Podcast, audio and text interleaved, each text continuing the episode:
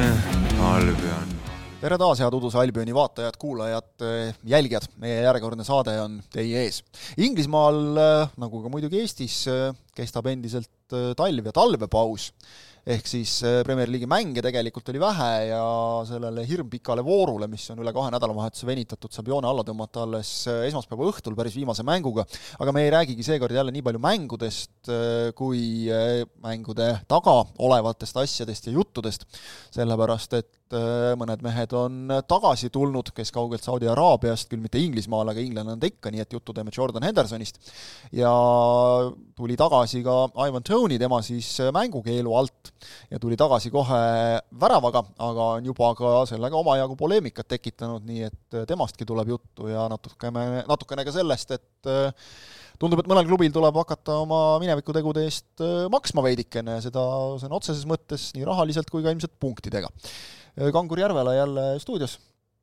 no kui, hästi lühidalt kokku võtta, siis nüüd see nädalavahetus, siis Arsenal võitis suurelt, Liverpool võitis suurelt, isegi võib-olla natuke üllatavalt Arsenali puhul, arvestades seda, et, et neil enne seda ei olnud nii hästi läinud, neil oli seda võitu vaja väga, Liverpool mängis Bournemouthiga, kes on olnud päris tubli viimasel ajal, aga jah, neli-null, siis Arsenal võttis viis-null noh, lõpus seal vormistati veel seda skoori suuremaks mõlemas mängus, aga, aga neist mängudest nagu suurt midagi rääkida ei, ei olegi tegelikult. no, no Liverpoolil oli tegelikult ju ikkagi esimene poolaeg null-null võõrsil. ärevus oli üleval, aga, aga see, kuidas teisel poolel olukord ära lahendati, duublid nii Diogo Jotalt kui Darwin Nuneselt, oli muljetavaldav. ning, ning eriti arvestades seda Manchester City eelmise nädalavahetuse praegu siis küll juba üle-eelmise nädalavahetuse kolm-kaks võitu Newcastle Unitedi üle, millega ikkagi pandi ju seal tipus Man City poolt nii-öelda surve peale, siis see, et Liverpool praegu sellest katsumusest võiduga ja uhke võiduga läbi tuli, olukorras, kus neil noh, tavapärastest põhimeestest ei olnud Trenti, ei olnud Salahit, ei olnud äh, Robertsoni, polnud Joboslaid. ja no vaata, et Wataru enda on ka juba vaata peaaegu põhimees. ehk neil oli väga mitu põhimeest puudu ja tuldi rahulikult neli-nulliga läbi, see on kõva sõna.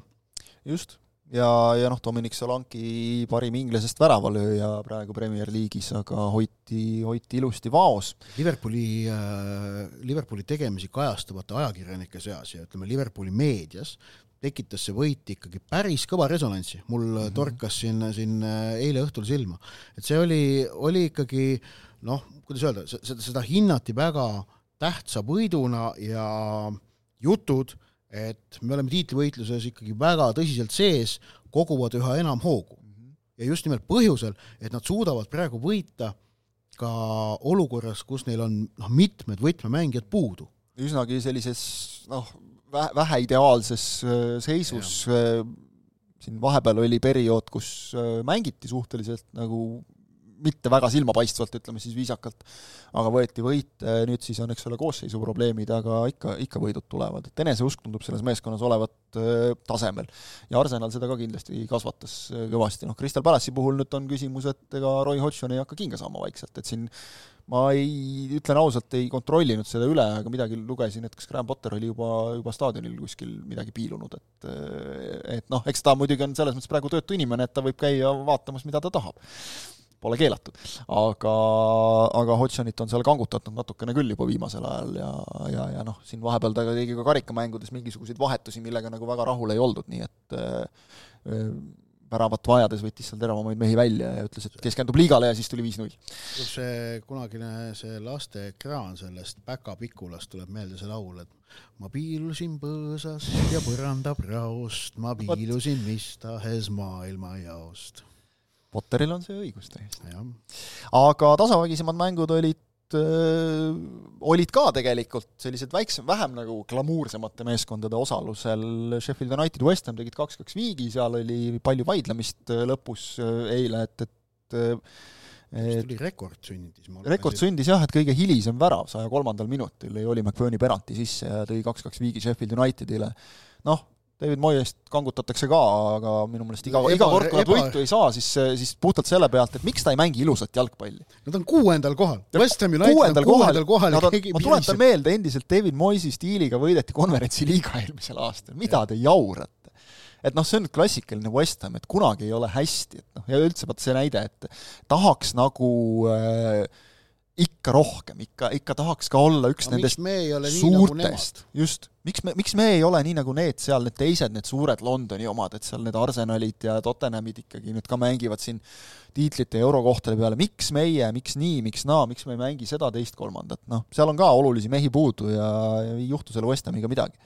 Aga Brentford ja, ja Nottingham Forest on nagu selline vastasseis, kus kolm-kaks siis Brentford selle võitis, nende jaoks oli see ka väga oluline mänguliselt tulemus kindlasti, sest neil oli siin vahepeal väga kehv seeria, aga korraks kaks sõna rääkida Nottingham Forestist, siis nemad on koos Evertoniga praegu nüüd saanud jälle, Everton siis juba teist korda, jällegi ikkagi nii-öelda ametliku süüdistuse või noh, nagu etteheite, et nad jälle kulutavad liiga palju. Äh, või on kulutanud siis viimase kolme aasta jooksul liiga palju, noh Foresti puhul muidugi Evertoniga võib seal vist vaielda, et, et neil see esimene karistus ju ka on vaidlustatud ja, ja et ei ole veel üldse kindel, et kas nad jäävad oma kümnest punktist ilma, mis neil praegu on maha võetud, noh, juba arutatakse seda ka, et kui Evertonil oli seal vist kümmekond episoodi ja Man Cityl on sada seitseteist, et, et mis selle City karistus siis veel tuleb, mina pakun, et ei tule midagi erilist, aga need asjad võivad olla oma olemuselt väga erinevad, nii et sellest ei ole mõtet rääkida, aga Foresti puhul oli nagu väga ongi natuke vist tuleks selgitada, et jah, et seal mis on see põhiline erinevus nendel süüdistustel, mis on ehitatud praegu siis Evertonile ja Forestile ja nendele, mis mõned aastad tagasi esitatud Man Cityle. Äh, Man Cityle peamine etteheide on see, et nad esitasid vale andmeid, aga Evertoni ja Foresti praegu siin süüdistatakse või noh, süüdistatakse konkreetselt äh, kulupiiri ületamises ja selle Evertoni Foresti asja menetlusprotsess on oluliselt lihtsam seetõttu, sest seal tuleb vaadata otsa noh, üpris lihtsalt nagu ainult raamatupidamisele, mitte hinnata kaudseid tõendeid ja kõike muud säärast. see on ka põhjus, miks see kõik viibib, aga noh, selles mõttes, et ma muidugi sinu äh, pessimismi selles osas, et Man City asjas ka selline, ütleme, sisuline noh, arutelu lõpuks toimib toimub, äh, ma muidugi jagan, et, et seal on keeruline näha seda, et seal on väga palju huvitatud osapooli, et Manchester Cityga ei juhtuks mitte midagi mm -hmm., sealhulgas äh, Ühendkuningriigi riigiaparaat on Just. huvitatud, et Manchester City, mis kuulub Araabia Ühendemiraatidele, mis on Suurbritannia jaoks äh, strateegiline partner geopoliitilises mhm. plaanis mm, ei oleks õnnetu selle üle, et neilt võetakse ära meistritiitlid, jalgpalliklubi, mis iganes, see on Suurbritannias väga oluline, jah ja et noh, võib-olla siin praegu mingisuguse punktikaristuse saab panna, aga et seal tagantjärgi midagi ära hakataks võtma, seda ma küll ei usu, et, et see no, see, seda aga... ilmselt ei juhtu, aga Foresti puhul lihtsalt, mis mulle torkas silma, oli see, et äh, seal on ikka nagu see näide, et äh, kui siin vahel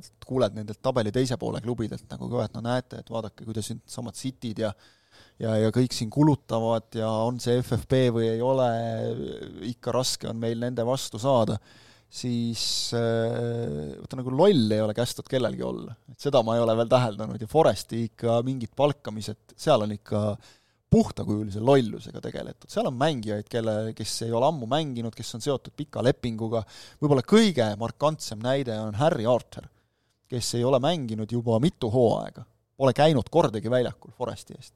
aga kellega omal ajal sõlmiti selline vahva leping, äh, noh, korraliku nädalapalgaga ka, Äh, kus oli sees klausel, et Forest mängis toona esiliigas, kui nad tõusevad kõrgliigasse, siis Arteri leping pikeneb automaatselt.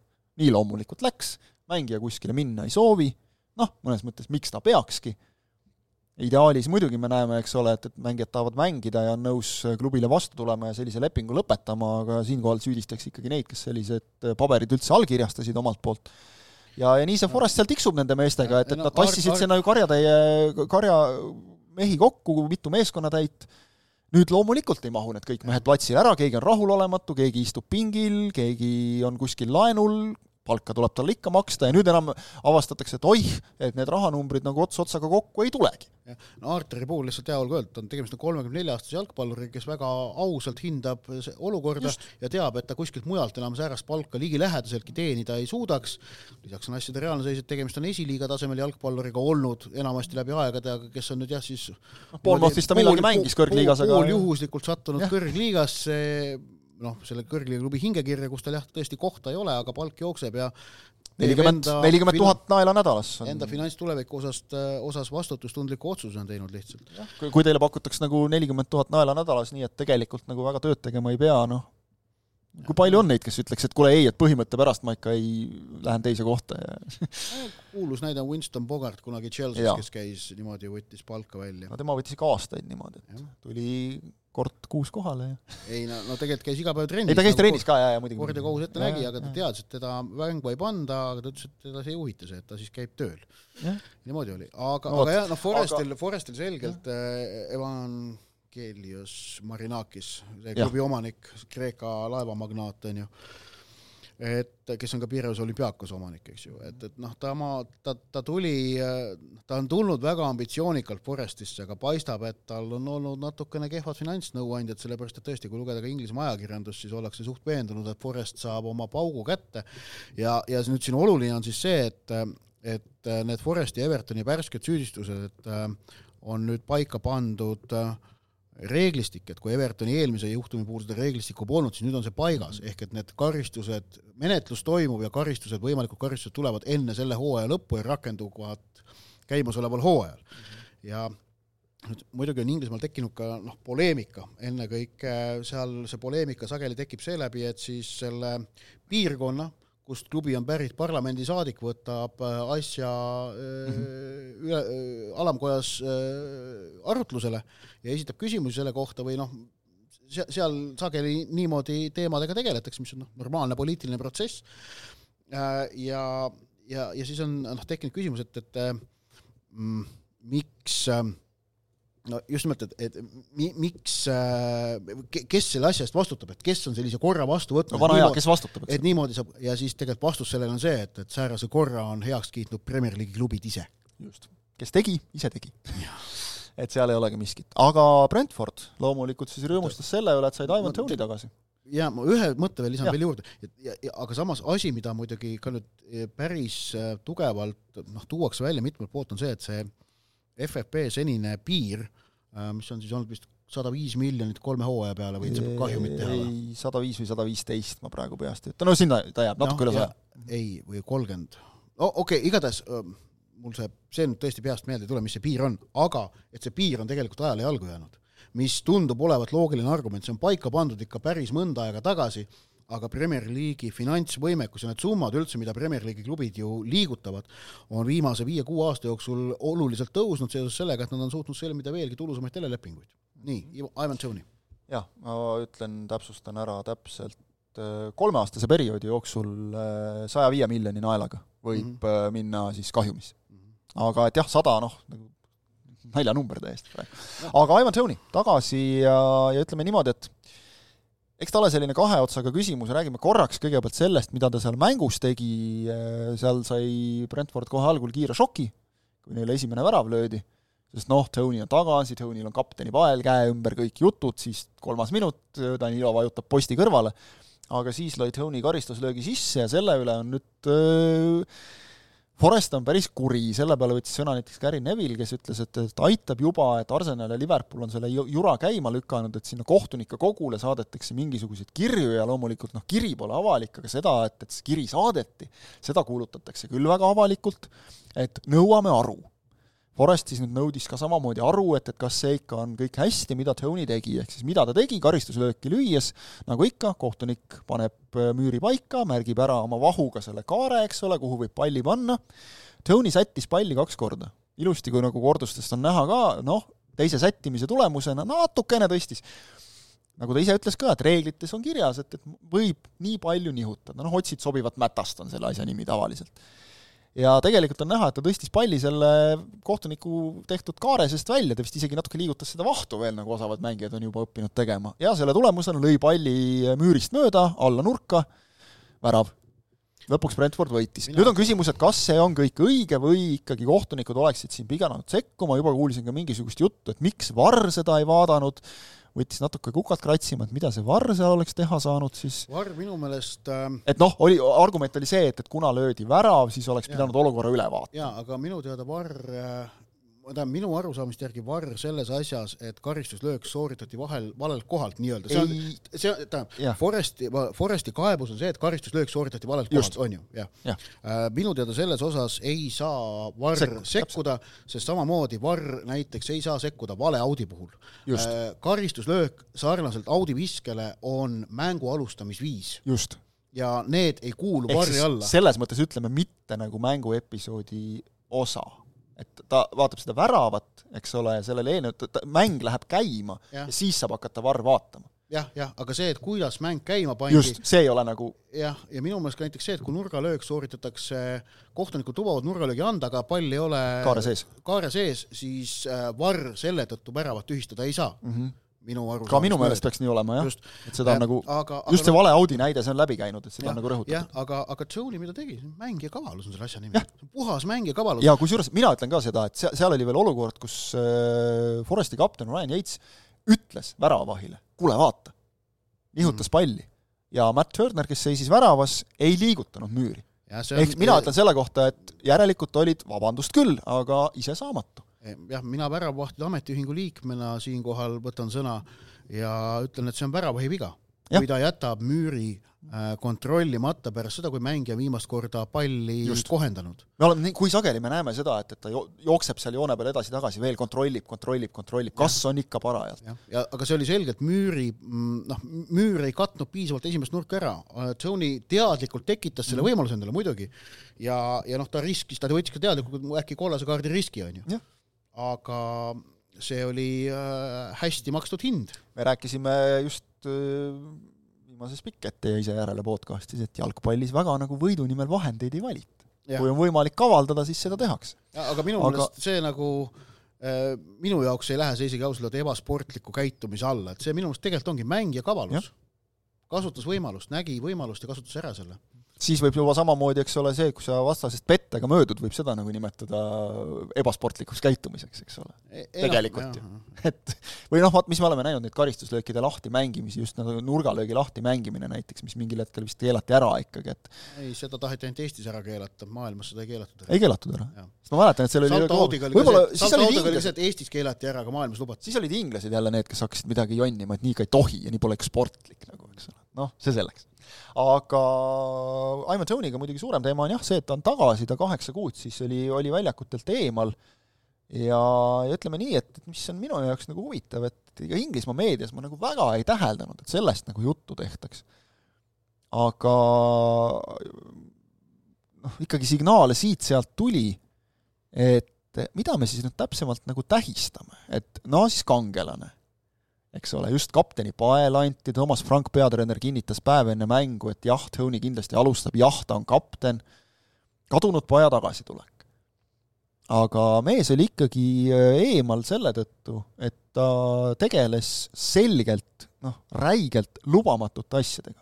ehk ta tegeles jalgpallimängudele panuste tegemisega, iga profi jalgpallur Inglismaal noh, terve mõistus juba ütleb, et seda ei tohi teha ja ta ei panustanud mitte hobuste võidu ajamisele või ütleme, ma ei tea, siin La Liga või Eestis Premium-liiga mängudele, mille puhul võiks veel öelda, et noh, mis see teie asi on, vaid ta panustas Inglismaa kõrgliiga mängudele, seejuures äh, panuseid oli kokku episoode lõpuks, milles teda süüdistati, oli kakssada kuuskümmend kaks, osasid ta tunnistas, teisi ta omaks ei võtnud, äh, sada kakskümmend kuus panust tegi ta liigale, kus ta parajasti ise mängis, oli see siis Premier League või, või esiliiga sest vahemikus kaks tuhat seitseteist kuni kakskümmend üks ta mängis seal, need, need asjad juhtusid ja ta mängis seal erinevates liigades, äh, kakskümmend üheksa panust oma meeskonna mängudele ja seejuures kolmteist panust öö, äh, oma meeskonna vastu. tõsi, kõikides nendes mängudes, kus ta tegi panuse, et tema meeskond noh, kas siis kaotab või viigistab, ta ei osalenud, mitte üheski neist ehk et ta ise seda mõjutada ei saanud, seetõttu pääses ta ka süüdimõistmisest selles, et nagu ta oleks mänge mõjutanud. noh, ehk siis match fixing, nagu me teame.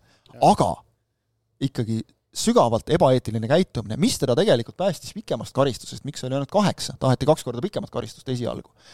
ametlikult tunnistati ta arstide otsusega hasartmängusõltlaseks ja oleme ausad, et see on kahtlemata haigus, samasugune nagu on näiteks alkoholism, mis iganes, ta on sõltuvus. see on selge. aga minu jaoks oli natukene kummaline, oli see, et et temast ikkagi nüüd, okei okay,, ta kandis karistust, ta isegi pääses kergema karistusega, aga temast tehti nagu kannatanu, kangelane. see oli minu jaoks veidikene omapärane. jah, siin on ilmselt äh, natukene kultuurilised eripärad. Äh, kihla vedamine on ja spordi peale panustamine on mhm. Inglismaal mm -hmm. ikkagi rahvussport, et kui sa käid seal tänavaringi high streetil, tänavapildis, kaubandustänavatel, igal pool, on sellised äh, noh, betting shop'id, kihlveokontorid mm, -hmm. kus astud sisse ja, ja saad selle noh, panuse teha, võid, võid seal kohe noh, ja, ja summadel erilist nagu piiri ei ole, ehk et spordikihlveod on Inglise kultuuriruumis tohutult tavaline, tohutult normaliseeritud asi. Mm, -hmm nii, see, see on üks asi, mis kogu seda, ma arvan, suhtumist mõjutab. noh ja vaatame kas või, eks ole, Inglismaa jalgpalliklubide peasponsoreid, no seal on vähenemas see kihlveo vähenemas jaa, aga, aga ütleme nii, et, et noh, see, see kultuur on nagu endiselt tugev, nad ikkagi tahavad, liiguvad selles suunas, tahavad liikuda, et need ära keelata, eks ole. aga, ja teine asi muidugi on see, et äh, kui see on niivõrd normaliseeritud, et nüüd heita siis jällegi teise nurga alt vaadates, heita siis nüüd mängijale ja ega ei ole ju, Tony ei ole ju ainus, ta sai siin pika karistuse, aga näiteks äh, oli siin viimane nimi oli Harry Toffolo, kes äh, kes ka samamoodi eksid nende reeglite vastu. Ja neid on veel olnud, et siis nagu jälle, kas ei ole natukene silmakirjalik, eks ole, mängijatele seda ette heita, kui samal ajal Brentfordi enda särgi sponsor on Kihlveo Company ja need reklaamid, nagu sa ütlesid, vaatavad jalgpallist ja üleüldse kogu kogukonnast igalt poolt vastu ja noh, nii-öelda karjuvad näkku. ja selle, jalgpallurid... sellepärast see kaastunne ongi seal okei okay., ja jalg, ja jalgpallurid, kellel on, eks ole, palju vaba raha ja palju vaba aega ja seda on ju siin, kes need Sandro Donalid, eks ole, ja teised mehed, kes siin on ka praegu karistuse all, on öelnud ka, et, et kui sa oled kahekümne kolme aastane, sul on raha noh, üle mõistuse palju. ja samas on sul ametist tulenevalt nii palju piiranguid, sa ei tohi teha seda, seda, seda, sa ei tohi õhtuti väljaski käia, eks ole. sa ei saa lihtsalt, jah, sa ei saa, ei tohi, ei taha, eks ole, ja siis sa hakkadki online'is tegema mm. erinevaid asju. hea, kui see on spordi panustamine, mitte muud lollus. aga no, no eks huvitav ole näha, mis nüüd äh, Jone'iga edasi saab, et, et mis on tema koondise tulevik mm. -hmm. Äh, sest Inglismaa koondises koht on vaba. Harry Kane'i kõrval teise ründaja koht on vaba, ei ole seal ei Ollie Watkins, ei Callum Wilson, ei keegi kolmas, neljas, viies äh, kanda kinnitanud. Keegi ei ole jah niimoodi selle nii-öelda ennast loomuliku valikuna kehtestanud. teise ründaja kas seal Inglismaa jalgpalliliidul on midagi ütlemist või mm -hmm. mitte, kas Southgate'il lubatakse teda valida, aga, aga eks ta selline no pigem vist Southgate'i sõnumid on olnud ka nagu toetavad, et noh, uks on lahti ja et, et aga jah, ma arvan, see, selle nüüd esimesele mängule naasmise reaktsioon on veel vara, et teha lõplikku järeldust selline, kuidas selle, mis selle, selle Tony juhtumi ja temale määratud karistuse, nüüdseks kantud karistuse suurem mõju Inglismaa jalgpallile on, et seda me saame öelda aasta-paari pärast. just mõjust Inglismaa jalgpallile nüüd võib-olla ei saa väga palju rääkida Jordan Hendersoni juhtumi põhjal, küll aga maailma jalgpallile, sest et äh, kui siis noh, ütleme ikkagi niimoodi, Cristiano Ronaldo oli esimene mees, kes läks Saudi Araabiasse, avas sellega, jät-, jättis enda selja taga ukse lahti kõikidele teistele ja siis sai sellest uksest mingil hetkel pöörduks, kust kõik sisse uhasid järjest. Henderson on nüüd esimene mees, kes tuli Saudi Araabiast tagasi, mängis siis täpselt Äh, üheksateist mängu kõikides sarjades, seitseteist liigamängu äh, all Etifaki eest. nüüd tuli tagasi, lõi käed Amsterdami Ajaxiga ja noh, ütleb ikkagi, et ei kahetse, aga noh, selgelt viga ta ju oli, kas, kui palju seal nüüd oli jalgpallilisi põhjuseid, me ei tea. ta ise kinnitab, et see oli sajaprotsendiliselt jalgpalliline otsus, ütleme, et see on argument, millega noh, saab lagedale tulla sellepärast et nagu öeldud, EM, Henderson tahab ka koondisesse, tema koht seal kindel ei ole, kui ta sai Southgate'ilt omavahelises vestluses nagu selge sõnumi, et sellisel tasemel mängides sul pigem ei pruugi olla koondisesse kohta, siis on arusaadav, miks ta tuli. samas oli see kõik, et EM toimub sel suvel, oli talle teada ka eelmisel suvel, kui ta Saudi Araabiasse läks. minu jaoks selle räägime kõigepealt sportlikust poolest, siis lähme no, aa, no, muu juurde. või noh, ma ei tea, nad on seotud, sa võid räägi see on tegelikult nagu... seotud, minu arust kogu selle Hendersoni nüüd viimase nädala aja jooksul, kui need sündmused on lahti rullunud, kogu selle mm, nädala kõige selline noh, märkimisväärsem või enim silma hakanud äh, asjaolu minu jaoks on olnud see siiras viha, millega tegelikult, ja põlgus mm, -hmm. millega praegu Hendersoni suhtutakse Inglismaal mm. -hmm. ta sai ju juba koondise mängus siin sügisel Wembley't ikka võimsalt vilet. aga nüüd veel, kui ta nüüd, nüüd kui ta on sealt niimoodi noh, näidanud, kuivõrd sil-, noh, noh, kahepalgelisena ta sealt nii-öelda tagasi on tulnud, kuidas need need noh, tema, tema, tema eelmised ütlused, kui ta läks Saudi Araabiasse, mis ta siis toona ütles selle kohta, kuidas neid nüüd meelde tuletatakse, tegelikult siiralt ollakse äh, noh, pettunud temas, nüüd see uus samm lihtsalt tõi selle pettumuse uuesti esile. Ja ma kasutaksin ka sõna põlgus, ähm, mida tuntakse ja nüüd ma hakkasin mõtlema, miks see niimoodi on, et see, see ei ole Hendersoni persoonist tulenev.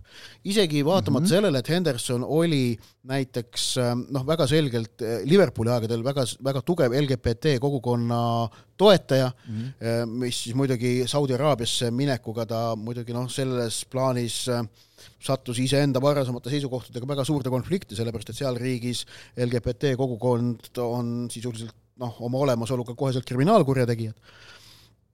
aga, aga, aga et mis on selle viha põhjus, ma arvan, aga ma ei arva, et see on Hendersonis endas, et ma arvan, et et selles, selles põlguses ja selles vihases reaktsioonis on, on ikkagi ka mõnevõrra sellist noh, mm, võidurõõmu. et, et saudidele et äh, tahtsite rahaga siin meie Premier League'ist midagi võimsamat üles ehitada, ei õnnestunud, vaadake -hmm. näete, et juba esimene pusletükk on teil sealt välja kukkunud ja, ja, ja Benzema pidavat olema õnnetu. Karim Benzema olevat ka väga õnnetu, ütleme Hendersoni, noh, Hendersonist ilmajäämise, selle võib veel ära seedida, aga Benzema on ikkagi superstaar, et kui tema sealt nüüd niimoodi tagasi tuleb mm, -hmm siis see võib juba palju rohkem seda paati kõigutada. ja, ja noh, ikkagi ega ei ole läinud üle äh, pettumus või, või pahameel selle üle, et Kataris toimus mm mm -hmm. ja teadmine, et Saudi Araabiasse kaks tuhat kolmkümmend neli see tuleb, need, need kõik emotsioonid mängivad olulist osa selles ja nüüd see Hendersoni juhtum lihtsalt andis võimaluse seda kogunenud vimma kuhugi kanaliseerida mm -hmm. ja muidugi kogu see solgipank talle kaela valati, see ei saanud talle tulla üllatusena ta pidi selleks valmis olema, natukene vaadates Samas... tema näoilmet seal Amsterdami ajaksi pressikonverentsil, siis mul oli nagu tundus, et ta oli, ta oli endaga, kuidas öelda, enda jaoks ennem väga selgelt läbi mõeldud, et ta teadis, mis äh, ebameeldivad küsimused tema suunas hakkavad lendama ja ta oli nendeks valmis. et see sinna minek nagu see, siis mulle tundus, et siis tuli talle nagu väikse üllatusena, et see reaktsioon selline oli et aga ta, ta on selles mõttes nagu tõstnud praegu minu meelest teemaks huvitavad äh, küsimused, nagu kas või näiteks seesama, see, see vähemustel äh, nagu ütleme, nad tunnetasid teda ikkagi selge liitlasena toona, sest ta seisis siis, nende siis kui ta Inglismaal oli. ja põhjusega, sest ta seisis nende väärtuste eest, eks ole, äh, ja, ja tundus, et siiralt. siis oli suur pettumus, kui ikkagi nagu tundus, et ta müüs need väärtused maha ja tegelikult jõuti nagu minu meelest tema käsitlusega huvitavasse punkti, et kui tõsiselt me saame seda võtta, et äh, jalgpallur kui siis avaliku elu tegelane saab olla sellistes asjades nagu usaldusväärne liitlane. Neid, neid probleeme on muidugi olnud äh, varemgi, et äh, raske on eristada eriti siis, kui sa oled, ja noh, Inglismaal on peaaegu kõik mingi meeskonna fännid või siis kellegi vastu mingil määral, raske on eristada nagu fänni vaatenurka ja, ja siis seda, või ühesõnaga nagu näha temas kas ainult jalgpallurit või siis ainult inimest. et neid kahte lahku lüüa. et see ongi keeruline ja, ja noh, ütleme, et neid, kes on nagu, keda mängijana on hinnatud, noh, võib-olla, kes tuleb neist meelde, näiteks Ryan Giggs, eks ole, kes paljude silmis langes põrmu pärast oma, pärast seda, kui selgus, et ta noh, oleme ausad, ta eraelus on hästi lühidalt öeldes mölakas olnud et, et ta tegelikult mingeid väärtusi ta ei kannagi, et jah, ta on väga hea jalgpallur, aga sellega kõik ka piirdub. et tema, ta oli ka nagu olnud pikalt eh, just see, et eh, ühe klubi mees, eks ole, et kannab nagu just mingisuguseid selliseid kestvaid väärtusi, kui siis selgub, et ta neid eraelus ei kanna tegelikult üldse, siis paljudele tuli see nagu šokina, aga see vist ongi nagu see, et tõstetakse jalgpallurid kuskile parnassile ja siis tuleb ootamatusena, et näe, ka nemad on inimesed oma vigade ja kõige, kõigi, ütleme siis teatava egoismiga, mis näiteks iseloomustab Hendersoni otsust võtta ikkagi vastu Saudide raha, kusjuures iroonia on selles, et nüüd saab öelda, et raha pärast ta sinna tõesti vist ei läinud.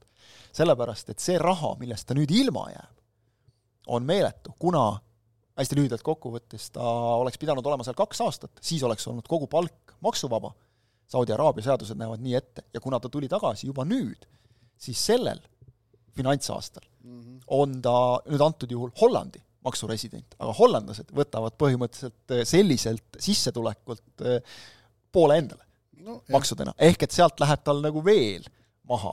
Eh, ühesõnaga, raha pärast ta seda tõesti ei teinud, et ta ikka kaotab miljoneid.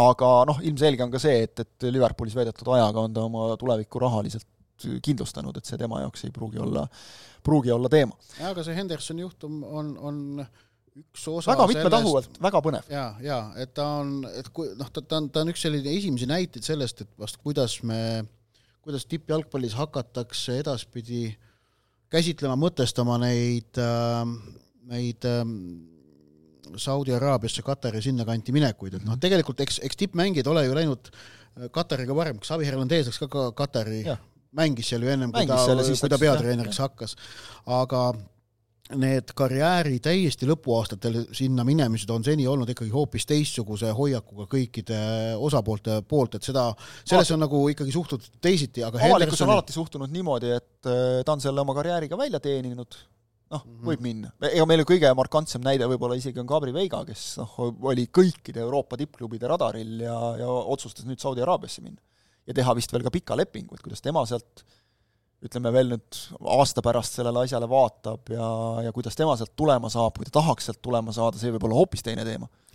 ja, ja teine asi on see, et eks ole huvitav vaadata, kuidas saudid ise kogu sellele olukorrale nüüd reageerivad, et, et ei tasu arvata, et nad lepivad niisama kõige sellega, vaid küll, ma arvan, et küll. vaadates nende senist taktikat spordimaailmas, siis nad äh, panevad auru juurde, eks näis, kes on järgmised sinna värvatud tõenäoliselt, aga selge on see, et väike mainekahju see neile on ja nüüd muidugi, okei okay,, seal on muidugi välismaalaste kohad täis ka, aga talvises aknas praegu pole väga keegi sinna liikunud. ja peaaegu mitte midagi. Renan Lodi oli ainukene mees vist, kes silma jäi Atleticust ja ka Inglismaal mänginud. jah, ja seetõttu siis äh, vallandus kuulujuht, nagu oleks Neimar Saudi Araabias lahkunud, aga tegelikult mitte midagi säärast ei olnud. registreeriti vaid välismaalase, võistkonnast maha välismaalase koht vabanes, kuna ta on hooaja lõpuni vigastusega välja. Renan Lodi toodi sinna asemele aga noh, mine tea, eks ole, kuidas on meil läks nüüd, kuule, udusest Albionist läks meil praegu liivaseks äh, Araabiasse kätte ära no läks, aga ei ole hullu, me läheme Udus mm. Albioni peale tagasi juba järgmises saates. ja, et see ja ütleme, Albioniga on ta ikkagi seotud, sest et noh, just sealt Uduselt Albionilt on sarnaselt Hendersonile väga palju mehi, mehi ka ikkagi kolis sinna ja.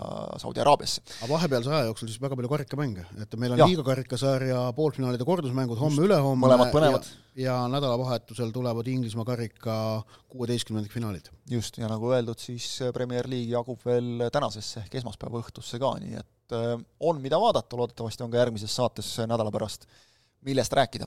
aitäh jälgimast ja kohtumiseni!